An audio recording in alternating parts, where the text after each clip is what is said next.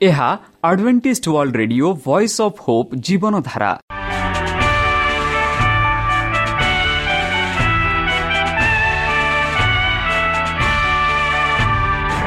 Odia radio କାର୍ଯ୍ୟକ୍ରମ ଯାହା ଆମର ଆନ୍ତର୍ଜାତୀୟ ଆଘାତ କେନ୍ଦ୍ରରୁ ପ୍ରସାରଣ କରାଯାଉଛି ପ୍ରତିଦିନ ରାତି ନଅଟା ତିରିଶ ମିନିଟ୍ରେ।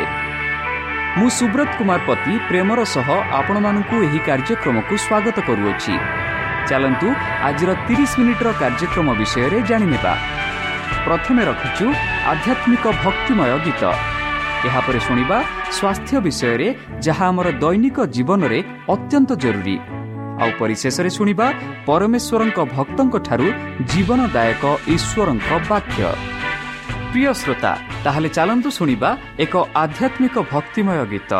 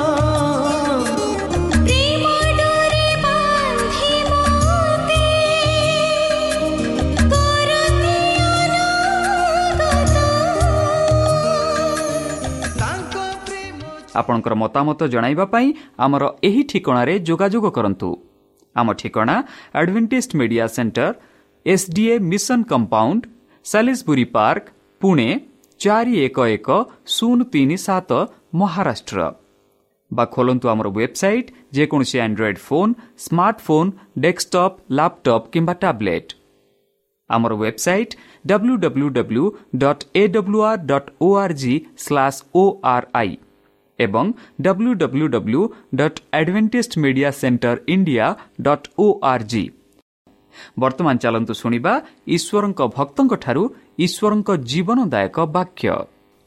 ଈଶ୍ୱରଙ୍କ ନିୟମ ଅପରିବର୍ତ୍ତନୀୟ ଭାଗ ଏକ। ନମସ୍କାର ପ୍ରିୟ ଶ୍ରୋତା। ସେହି ସର୍ବଶକ୍ତି ସର୍ବଜ୍ଞାନୀ ପ୍ରେମର ସାଗର ଦୟାମୟ ଅନ୍ତର୍ଜମୀ ଅନୁଗ୍ରହ ପରମ ପିତାଙ୍କ ମଧୁର ନାମରେ ମୁଁ ପାଷ୍ଟ ପୂର୍ଣ୍ଣଚନ୍ଦ୍ର ଆଉ ଥରେ ଆପଣମାନଙ୍କୁ ଏହି କାର୍ଯ୍ୟକ୍ରମରେ ସ୍ୱାଗତ କରୁଅଛି। ପ୍ରିୟ ଶ୍ରୋତା ଚାଲନ୍ତୁ ତାଙ୍କ ବାକ୍ୟ ପଢ଼ିବା ପୂର୍ବେ ସେହି ସଦାପ୍ରଭୁଙ୍କ ଆଶୀର୍ବାଦ ପ୍ରାପ୍ତ କରିବା। ସେହି ସଦାପ୍ରଭୁ ପରମେଶ୍ୱର ଆପଣମାନଙ୍କୁ ଆଶୀର୍ବାଦ କରନ୍ତୁ। ଆପଣଙ୍କୁ ସମସ୍ତ ପ୍ରକାର ଶତ୍ରୁ ସୈତାନ ହସ୍ତରୁ ଦୂରେଇ ରଖନ୍ତୁ। ସମସ୍ତ ପ୍ରକାର ଦୁଃଖ କଷ୍ଟ ବାଧା ବିଘ୍ନରୁ ଦୂରେଇ ରଖନ୍ତୁ।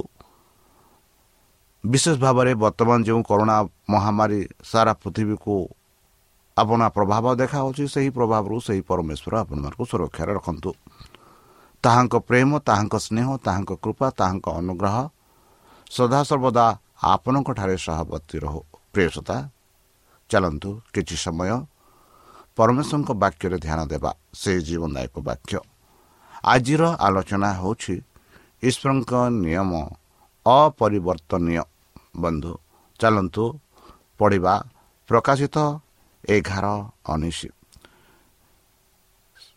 ଯେତେବେଳେ ସ୍ୱର୍ଗର ଥିବା ଈଶ୍ୱରଙ୍କ ମନ୍ଦିର ଉକ୍ଲକ୍ତ ହେଲା ଓ ତାହାଙ୍କ ମନ୍ଦିର ମଧ୍ୟରେ ତାହାଙ୍କ ନିୟମ ସିନ୍ଧୁକ ଦେଖାଗଲା ପୁଣି ବିବତ୍ୱ ବିବିଘ୍ନ ସ୍ୱର ମେଘଗର୍ଜନ ଭୂକମ୍ପ ଭୂମିକମ୍ପ ଓ ମହା ଶିଳାକୁମ୍ପି ହେଲା ଏହିପରି ଆମେ ପବିତ୍ର ଶାସ୍ତ୍ର ବାଇବଲରେ ଦେଖୁଅଛୁ ବନ୍ଧୁ ବିଶେଷ ଭାବରେ ଆମେ ଆଜି ଆଉ କାଲିକୁ ଈଶ୍ୱରଙ୍କ ନିୟମ ଈଶ୍ୱରଙ୍କ ବ୍ୟବସ୍ଥା ଯାହାକି ଅପରିବର୍ତ୍ତନୀୟ ତାହା ବିଷୟରେ ଆମେ ଆଜିକାଲିକୁ ଆଲୋଚନା କରିବା ଯେପରି ସ୍ୱର୍ଗରେ ଈଶ୍ୱରଙ୍କ ମନ୍ଦିର ଖୋଲାଯାଇଥିଲା ଏବଂ ତାଙ୍କ ମନ୍ଦିରରେ ତାଙ୍କ ନିୟମର ସିନ୍ଧୁକୁ ଦେଖିବାକୁ ମିଳୁଛି।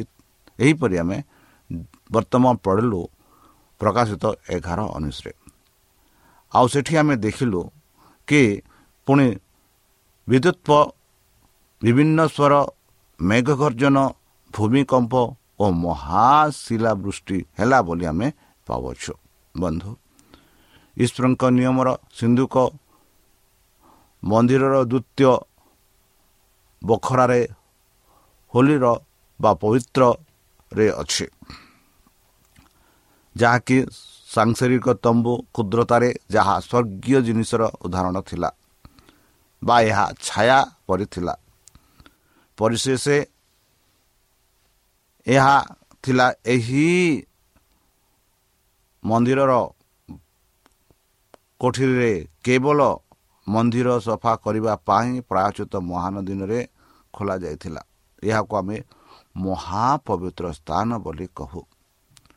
ତେଣୁ ଈଶ୍ୱରଙ୍କ ମନ୍ଦିର ସ୍ୱର୍ଗରେ ବନ୍ଧୁ ଯାହା ଆମେ ଦେଖୁଅଛୁ ଏବଂ ତାଙ୍କର ନିୟମର ସିନ୍ଧୁକ ଯାହାକି ଅଠରଶହ ଚଉରାଅଶୀର ସ୍ୱର୍ଗୀୟ ମନ୍ଦିରର ସବୁଠାରୁ ପବିତ୍ର ସ୍ଥାନ ଖୋଲିବାକୁ ସୂଚାଇ ଥିବାର ଦେଖାଯାଇଥିଲା ଯାହା ଆମେ ଦାନିଏଲ ପୁସ୍ତକରେ ଦେଖୁଛୁ।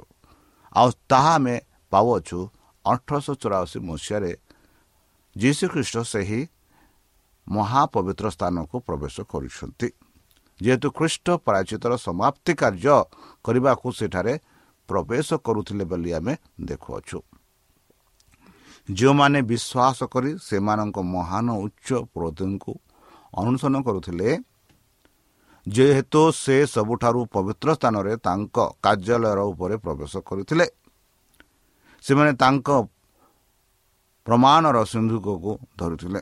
ଯେହେତୁ ସେମାନେ ମନ୍ଦିର ବିଷୟ ଅଧ୍ୟୟନ କରିଥିଲେ ସେମାନେ ତ୍ରାଣକର୍ତ୍ତାଙ୍କ ମୁଦ୍ର ପରିବର୍ତ୍ତନକୁ ବୁଝିବାକୁ ଆସିଥିଲେ ଏବଂ ସେମାନେ ଦେଖିଲେ ଯେ ସେ ବର୍ତ୍ତମାନ ଈଶ୍ୱରଙ୍କ ସିନ୍ଧୁକ ଆଗରେ କାର୍ଯ୍ୟ କରୁଛନ୍ତି।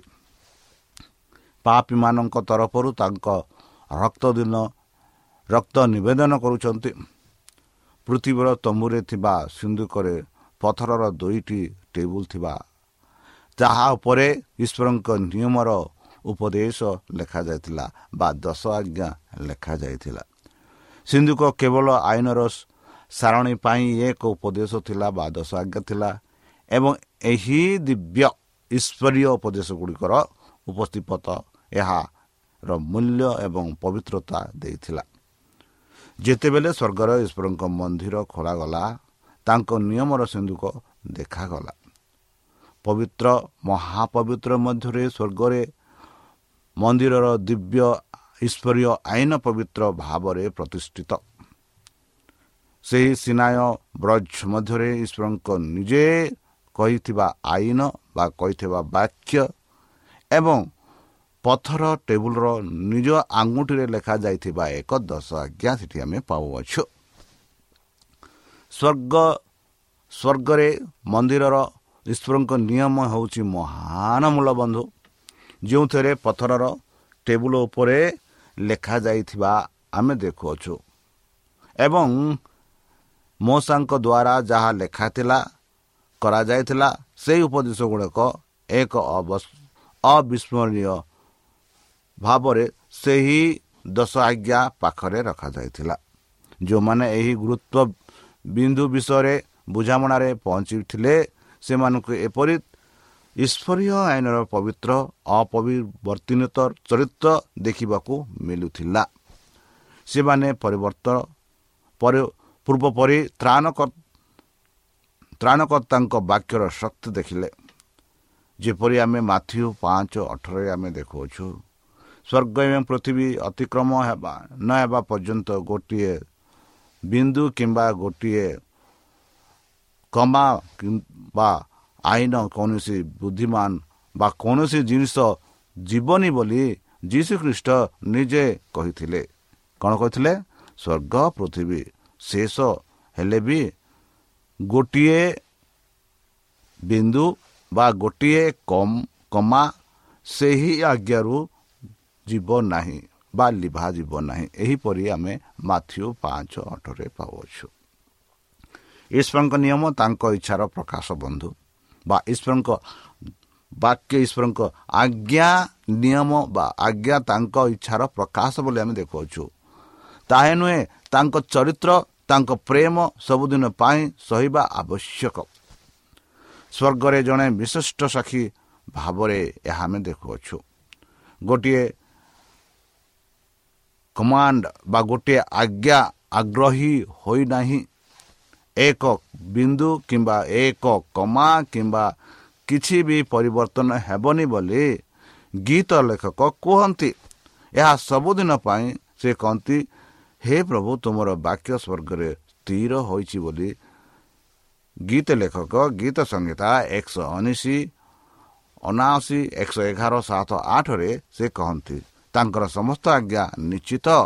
ସେମାନେ ସବୁଦିନ ପାଇଁ ଏବଂ ସବୁଦିନ ପାଇଁ ଦ୍ରୁତ ଗତିରେ ଠିଆ ହୋଇଛନ୍ତି ବୋଲି ଗୀତ ଲେଖକ ନିଜ ଭାଷାରେ ପ୍ରକାଶ କରି କହୁଛନ୍ତି। ବନ୍ଧୁ ବକ୍ଷରେ ଚତୁର୍ଥ ଆଜ୍ଞା ଅଛି। ସେହି ଦଶ ଆଜ୍ଞାରେ ଆମେ ଦେଖୁ ଚତୁର୍ଥ ଆଜ୍ଞା ଅଛି। ଯେହେତୁ ଏହାର ପ୍ରଥମେ ଘୋଷଣା କରାଯାଇଥିଲା।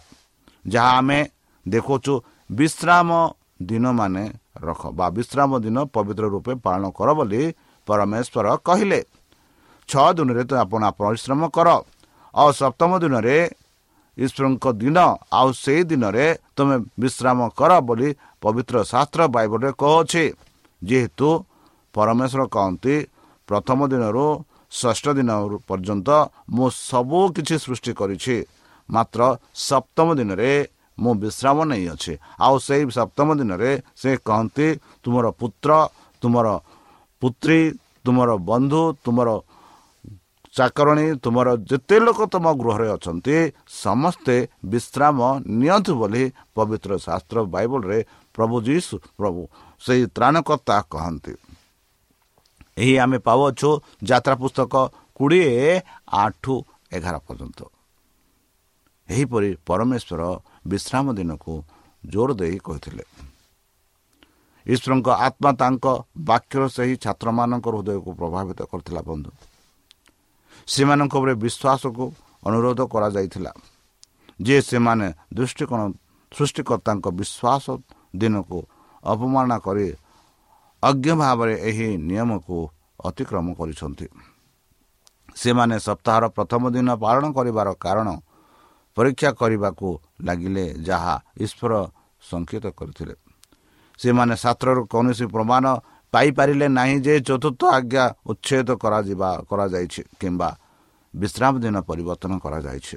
ବନ୍ଧୁ ଆଜି ଆମ ଏହି ସଂସାରରେ ଦେଖୁଅଛୁ ଅଧିକାଂଶ ଲୋକ ଅଧିକାଂଶ ଖ୍ରୀଷ୍ଟିଆନ ମାନେ ସପ୍ତାହର ପ୍ରଥମ ଦିନରେ ସେହି ସଦାପ୍ରଭୁ ପରମେଶ୍ୱରଙ୍କୁ ପୂଜା କରନ୍ତି।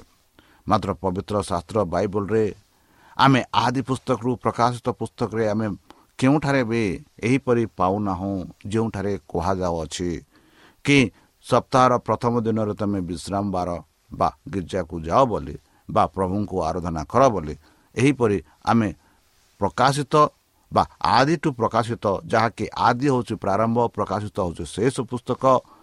ଏ ମଧ୍ୟସ୍ଥରେ କେଉଁ କେଉଁ ପୁସ୍ତକରେ ମଧ୍ୟ ଆମେ ଏହିପରି ପ୍ରମାଣ ପାଉନାହୁଁ। ଯେଉଁଠିରେ ବାଇବଲରେ ଆମେ ଦେଖୁ ଛଅଷଠି ପୁସ୍ତକ ଯାହାକି ବିଭିନ୍ନ ଲୋକଙ୍କ ଦ୍ୱାରା ଲିଖିତ।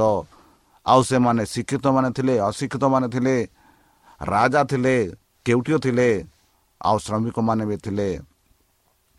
ଏମାନେ ସମସ୍ତେ ସମୟ ମଧ୍ୟରେ ସେମାନେ ଲେଖିଲେ।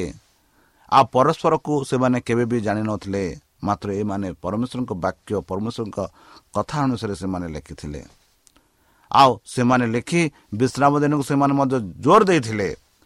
ଆଉ କେଉଁଠାରେ ମଧ୍ୟ କେଉଁ କେଉଁ ଲେଖକ ଏହିପରି କହିନାହାନ୍ତି କି ପରମେଶ୍ୱର ବିଶ୍ରାମ ଦିନକୁ ପରିବର୍ତ୍ତନ କରିଛନ୍ତି କି ଦଶ ଆଜ୍ଞା ପରିବର୍ତ୍ତନ କରିଛନ୍ତି କି ଆଉ ଦଶ ଆଜ୍ଞା ମଧ୍ୟ ଯୀଶୁ ଖ୍ରୀଷ୍ଟ କୃଷରେ ବିନଷ୍ଟ କରିଛନ୍ତି ବୋଲି ଏହିପରି କିଛି ଆମେ କାହା ଦ୍ୱାରା ବି ପାଉନାହୁଁ। ବନ୍ଧୁ ଅନେକ ଏବଂ ଆନ୍ତରିକତା ସେମାନଙ୍କ ବିଶ୍ୱାସକୁ ଗାଦିଦୂତ କରିବା ପାଇଁ କରାଯାଇଥିବା ପ୍ରୟାସ ଥିଲା।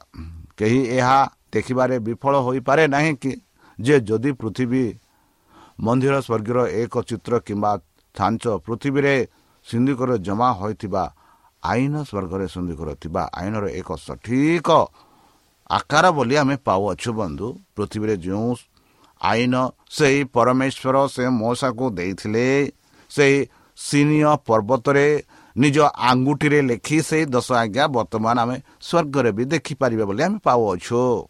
ଆଉ ସେଇ ଦଶ ଆଜ୍ଞାରେ ଆମେ ଚତୁର୍ଥ ଆଜ୍ଞାରେ ସଠିକ ରୂପରେ ଏକ ଜୋର ଦିଆଯିବା ଦିଆଯାଇଛି ବୋଲି ଆମେ ଦେଖୁଅଛୁ। ବନ୍ଧୁ ଏଠାରେ ଶାସ୍ତ୍ର ସମନ୍ୱୟପୂର୍ଣ୍ଣ ପ୍ରଦର୍ଶନ ତିକ୍ତ ଏବଂ ସ୍ଥିର ବିରୋଧର ରହସ୍ୟ ଥିଲା ଯାହା ସ୍ୱର୍ଗୀୟ ମନ୍ଦିର ଖ୍ରୀଷ୍ଟଙ୍କ କ୍ଷୁଦ୍ରତାଙ୍କୁ ପ୍ରକାଶ କରିଥିଲା।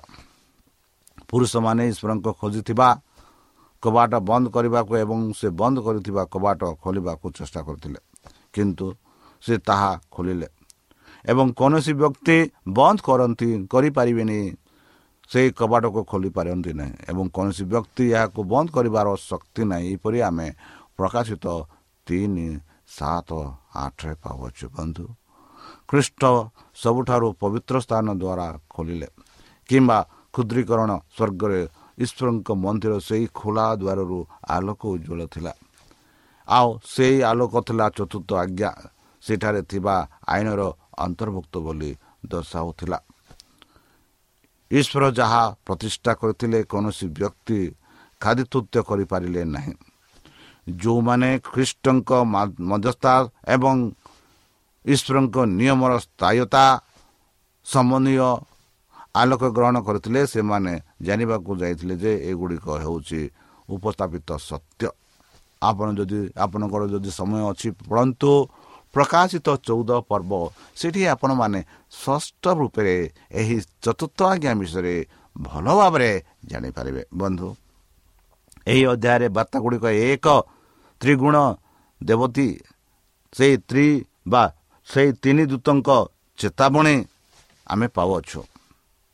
ଗଠନରେ ଯାହା ହେଉଛି ପ୍ରଭୁଙ୍କ ଦ୍ୱିତୀୟ ଆସିବା ପାଇଁ ପୃଥିବୀର ଆଦିବାସୀମାନଙ୍କୁ ପ୍ରସ୍ତୁତ କରିବା ପାଇଁ ଏହା ଘୋଷଣା କରାଯାଉଅଛି ତାଙ୍କ ବିଚାରଣ ଘଣ୍ଟା ବା ତାଙ୍କ ବିଚାର ସମୟ ଆସିଅଛି।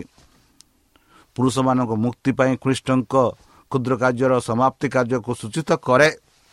ଏହା ଏକ ସତ୍ୟର ସୂଚନା ଦେଇ ଯାହା ତ୍ରାଣକର୍ତ୍ତାଙ୍କ ମଧ୍ୟସ୍ଥ ବନ୍ଦ ନ ହେବା ପର୍ଯ୍ୟନ୍ତ ଘୋଷଣା କରିବା ଆବଶ୍ୟକ ବୋଲି ଏହା ଆମେ ପାଉଅଛୁ। ବନ୍ଧୁ ଅଠରଶହ ଚଉରାଅଶୀରେ ଆରମ୍ଭ ହୋଇଥିବା ଏହି ବିଚାର କାର୍ଯ୍ୟ ବର୍ତ୍ତମାନ ଜାରି ରହିବା ଆବଶ୍ୟକ। ଯେପର୍ଯ୍ୟନ୍ତ ସମସ୍ତ ମାମଲା ସ୍ଥିର ନ ହୁଏ ଉଭୟ ଜୀବିତ ଏବଂ ମୃତ୍ୟୁ। ତେଣୁ ଏହା ମହାନ ଯାହାକି ଆମେ ଏକ ସମୟ ଯାହାର ଆମେ ଇଂରାଜୀରେ କହୁଛୁ ପ୍ରୋବେସନ୍ ଟାଇମ୍ସ ଏହି ଯେଉଁ ସମୟ ଏହିସବୁ ସମୟ ବନ୍ଦ ପର୍ଯ୍ୟନ୍ତ ବିସ୍ତାର ହେବ। ଆଉ ଯେବେ ଏହି ସମୟ ଶେଷ ହେବ ପବିତ୍ର ଶାସ୍ତ୍ରରେ ଆମକୁ କହୁଛି ଯେଉଁ ସେ ଧାର୍ମିକ ଧାର୍ମିକ ରହୁ ଯେଉଁ ସେ ପାପି ପାପି ରହୁ ଯେହେତୁ ସେହି ସମୟରେ ଆଉ ବିଚାର ରହିବ ନାହିଁ। ପୁରୁଷମାନେ ବିଚାରରେ ଠିଆ ହେବାକୁ ପ୍ରସ୍ତୁତ ହୋଇପାରନ୍ତି। ବାର୍ତ୍ତା ସେମାନଙ୍କୁ ଈଶ୍ୱରଙ୍କୁ ଭୟ କର ବୋଲି ସେହି ବାର୍ତ୍ତାରେ ଆମେ ପାଉଅଛୁ। ଆଉ ତାହା ନୁହେଁ ଈଶ୍ୱରଙ୍କୁ ଗୌରବ ଦିଅ ବୋଲି ନିର୍ଦ୍ଦେଶ ଦେଉଅଛି। ତାଙ୍କୁ ପୂଜା କର ଯିଏକି ସ୍ୱର୍ଗ ପୃଥିବୀ ଏବଂ ସମୁଦ୍ର ଏବଂ ଜଳର ଝରଣା ତିଆରି ବା ସୃଷ୍ଟି କରିଥିଲେ। ଏହି ବାର୍ତ୍ତା ଗୁଡ଼ିକର ଗ୍ରହଣୀୟତର ଫଳାଫଳ ଶବ୍ଦରେ ଦିଆଯାଇଛି। ଏଠାରେ ସେମାନେ ଅଛନ୍ତି ଯେଉଁମାନେ ଈଶ୍ୱରଙ୍କ ଆଜ୍ଞା ଏବଂ ଯୀଶୁଙ୍କୁ ବିଶ୍ୱାସ କରନ୍ତି। ଆଉ ବିଚାର ପାଇଁ ପ୍ରସ୍ତୁତ ରହିବା ପାଇଁ ପୁରୁଷମାନେ ଈଶ୍ୱରଙ୍କ ନିୟମ ରଖିବା ଆବଶ୍ୟକ। ସେହି ନିୟମ ବିଚାରରେ ଚରିତ୍ରର ମାନବ ହେବ ମାନକ ହେବ।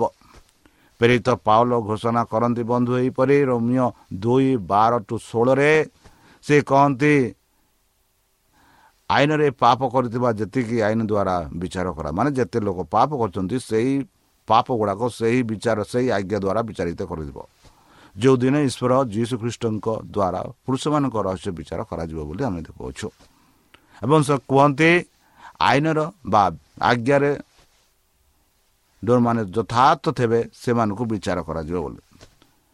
ବନ୍ଧୁ ଈଶ୍ୱରଙ୍କ ନିୟମ ପାଳନ କରିବା ପାଇଁ ବିଶ୍ୱାସ ଜରୁରୀ। ବିଶ୍ୱାସ ବିନା ତାଙ୍କୁ ଖୁସି କରିପାରିବା ନାହିଁ ବୋଲି ଅସମ୍ଭବ ବୋଲି ପାଉଲ ଲେଖନ୍ତି ହିବ୍ରୁଜ୍ ଏଭ୍ରି ଛଅ ଏଗାର ଛଅରେ ଆଉ ରୋମିଓ ତେର ତେଇଶରେ। ଆମେ ବିଶ୍ୱାସ କରିବା ଉଚିତ। ଆଉ ଯଦି ଆମେ ବିଶ୍ୱାସ ନ କରିବା ତାହେଲେ ତାଙ୍କ ଆଜ୍ଞା ପାଳନ କରିପାରିବା ନାହିଁ। ଏହା ଅସମ୍ଭବ ବୋଲି କହୁଛି। ଯାହା ବିଶ୍ୱାସର ନୁହେଁ ତାହା ପାପ ଅଟେ ବୋଲି ଆମେ ପବିତ୍ର ଶାସ୍ତ୍ରରେ ବାଇବଲରେ ପାଉଅଛୁ। ବନ୍ଧୁ ପ୍ରଥମତ ଦ୍ୱାରା ପୁରୁଷମାନଙ୍କ ବା ଜଗତର ଲୋକମାନଙ୍କୁ ଈଶ୍ୱରଙ୍କୁ ଭୟ କର ବୋଲି ଆମେ ଦେଖୁଅଛୁ।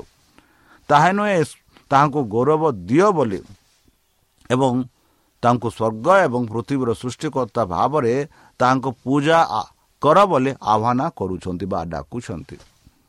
ଏହା କରିବା ପାଇଁ ସେମାନେ ନିଶ୍ଚିତ ଭାବରେ ତାଙ୍କ ଆଇନ ପାଳନ କରିବେ ଜ୍ଞାନୀ ବ୍ୟକ୍ତି କୁହନ୍ତି ଈଶ୍ୱରଙ୍କୁ ଭୟ କର ଏବଂ ତାଙ୍କ ଆଜ୍ଞା ପାଳନ କର କାରଣ ଏହା ହେଉଛି ମନୁଷ୍ୟର ସମ୍ପୂର୍ଣ୍ଣ କର୍ତ୍ତବ୍ୟ ବୋଲି ଜିଜି କଲ ବାର ତେରରେ ସେହି ଲେଖକ କହନ୍ତି। କ'ଣ କହନ୍ତି? ଈଶ୍ୱରଙ୍କୁ ଭୟ କର ତାଙ୍କ ଆଜ୍ଞା ପାଳନ କର କାରଣ ମଣିଷର ସମ୍ପୂର୍ଣ୍ଣ କର୍ତ୍ତବ୍ୟ। ତାଙ୍କ ଆଜ୍ଞାର ପାଳନ ବିନା କୌଣସି ପୂଜା ଈଶ୍ୱରଙ୍କୁ ଆନନ୍ଦ ଆନନ୍ଦଦାୟକ ହୋଇପାରିବ ନାହିଁ। ଏହା ହେଉଛି ଈଶ୍ୱରଙ୍କ ପ୍ରେମ। ଯେ ଆମେ ତାଙ୍କ ଆଜ୍ଞା ପାଳନ କରୁ ସେ ଯାହା ଆଇନ ଶୁଣିବାର କାନକୁ ହଟାଇ ଦିଏ ଏପରି ତାଙ୍କ ପ୍ରାର୍ଥନା ମଧ୍ୟ ଘୃଣ୍ୟ ଯବ ବୋଲି ପ୍ରଥମ ଜନ ପାଞ୍ଚ ତିନିରେ ଆଉ ହିତପ୍ରଦେଶ ଅଠାଇଶ ନରେ ଆମେ ପାଉଅଛୁ। ବନ୍ଧୁ ଈଶ୍ୱରଙ୍କୁ ପୂଜା କରିବାର କର୍ତ୍ତବ୍ୟ ଏହି ସତ୍ୟ ଉପରେ ଆଧାରିତ ଯେ ସେ ସୃଷ୍ଟିକର୍ତ୍ତା ଏବଂ ତାଙ୍କ ପାଇଁ ଅନ୍ୟ ସମସ୍ତ ପ୍ରାଣୀ ସେମାନଙ୍କ ଅସ୍ତିତ୍ୱ ଋଣୀ। ଏବଂ ଯେଉଁଠାରେ ବାଇବଲରେ ହେତନର ଦେବତାମାନଙ୍କ ଉପରେ ଶ୍ରଦ୍ଧା ଏବଂ ପୂଜା ପାଇଁ ତାଙ୍କ ଦାବି ଉପସ୍ଥାପିତ ହୁଏ ସେଠାରେ ତାଙ୍କର ପୂଜନୀୟଶୀଳ ଶକ୍ତିର ପ୍ରମାଣ ଦର୍ଶାଇଥାଏ ଯାଇଛି। ରାଷ୍ଟ୍ରର ସମସ୍ତ ଦେବତା ମାନେ ମୂର୍ତ୍ତି କିନ୍ତୁ ପ୍ରଭୁ ସ୍ୱର୍ଗ ତିଆରି କଲେ ବୋଲି ଗୀତ ସଂହିତା ଛୟାନବେ ପାଞ୍ଚରେ ଗୀତ ଲେଖକ ଲେଖନ୍ତି। ତାପରେ ତୁମେ ମୋତେ ତୁଳନା କରିବ ନା ମୁଁ ସମାନ ହେବିନି ବୋଲି କହନ୍ତି। ପବିତ୍ର ପବିତ୍ର ଉଚ୍ଚରେ ଆଖି ଉଠାଇ ଉଠାନ୍ତୁ ଏବଂ ଦେଖ କିଏ ଏହି ଜିନିଷ ଗୁଡ଼ିକୁ ସୃଷ୍ଟି କରିଛନ୍ତି ବୋଲି ଗୀତ ଲେଖ। ଜିସାୟା ପୁସ୍ତକରେ ଆମେ ପାଉଅଛୁ। ଜିସାୟା ଚାଳିଶ ପଚିଶ ଛବିଶ ପଇଁଚାଳିଶ ଟୁ ଅଠରରେ ସେ କହନ୍ତି ଏହିପରି ସ୍ୱର୍ଗ ସୃଷ୍ଟି କରିଥିବା ପ୍ରଭୁକୁ ସନ୍ତୁଷ୍ଟ କର ବୋଲି କହନ୍ତି। ଈଶ୍ୱର ନିଜେ ଯାହା ପୃଥିବୀ ଗଠନ କରିବା ସୃଷ୍ଟି କଲେ ବା ନିର୍ମାଣ କଲେ ଏହାକୁ ତିଆରି କରିଥିଲେ ବୋଲି ସେ କହନ୍ତି ଭବିଷ୍ୟତ ଭକ୍ତା ତାହେଲେ ପ୍ରିୟସତା ଚାଲନ୍ତୁ ନିଜକୁ ସମର୍ପଣ କରି ତାହାଙ୍କ ଆଜ୍ଞା ମାନିବା ଯଦି ତାଙ୍କଠାରେ ଆମେ ବିଶ୍ୱାସ କରୁଛୁ। ଯେପରି ଏବେ ଏଗାର ଛଅରେ ପାଉ ବିଶ୍ୱାସ ବିନା ଆମର କିଛି ତାହେଲେ ଆମେ ବିଶ୍ୱାସ କରୁଛେ ଯଦି ଆମେ ବିଶ୍ୱାସ କରୁଛେ ତାହେଲେ ତାଙ୍କ ଆଜ୍ଞା ପାଳନ କରିବା ଉଚିତ।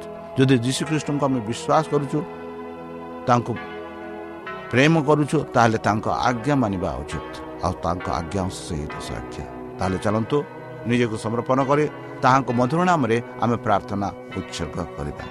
ହେ ଆମମାନଙ୍କ ସର୍ବଶକ୍ତି ସର୍ବଜ୍ଞାନୀ ପ୍ରେମର ସାଗର ଦୟାମୟ ଅନ୍ତର୍ଜମୀ ଅନୁଗ୍ରହ ପରମ ପିତା।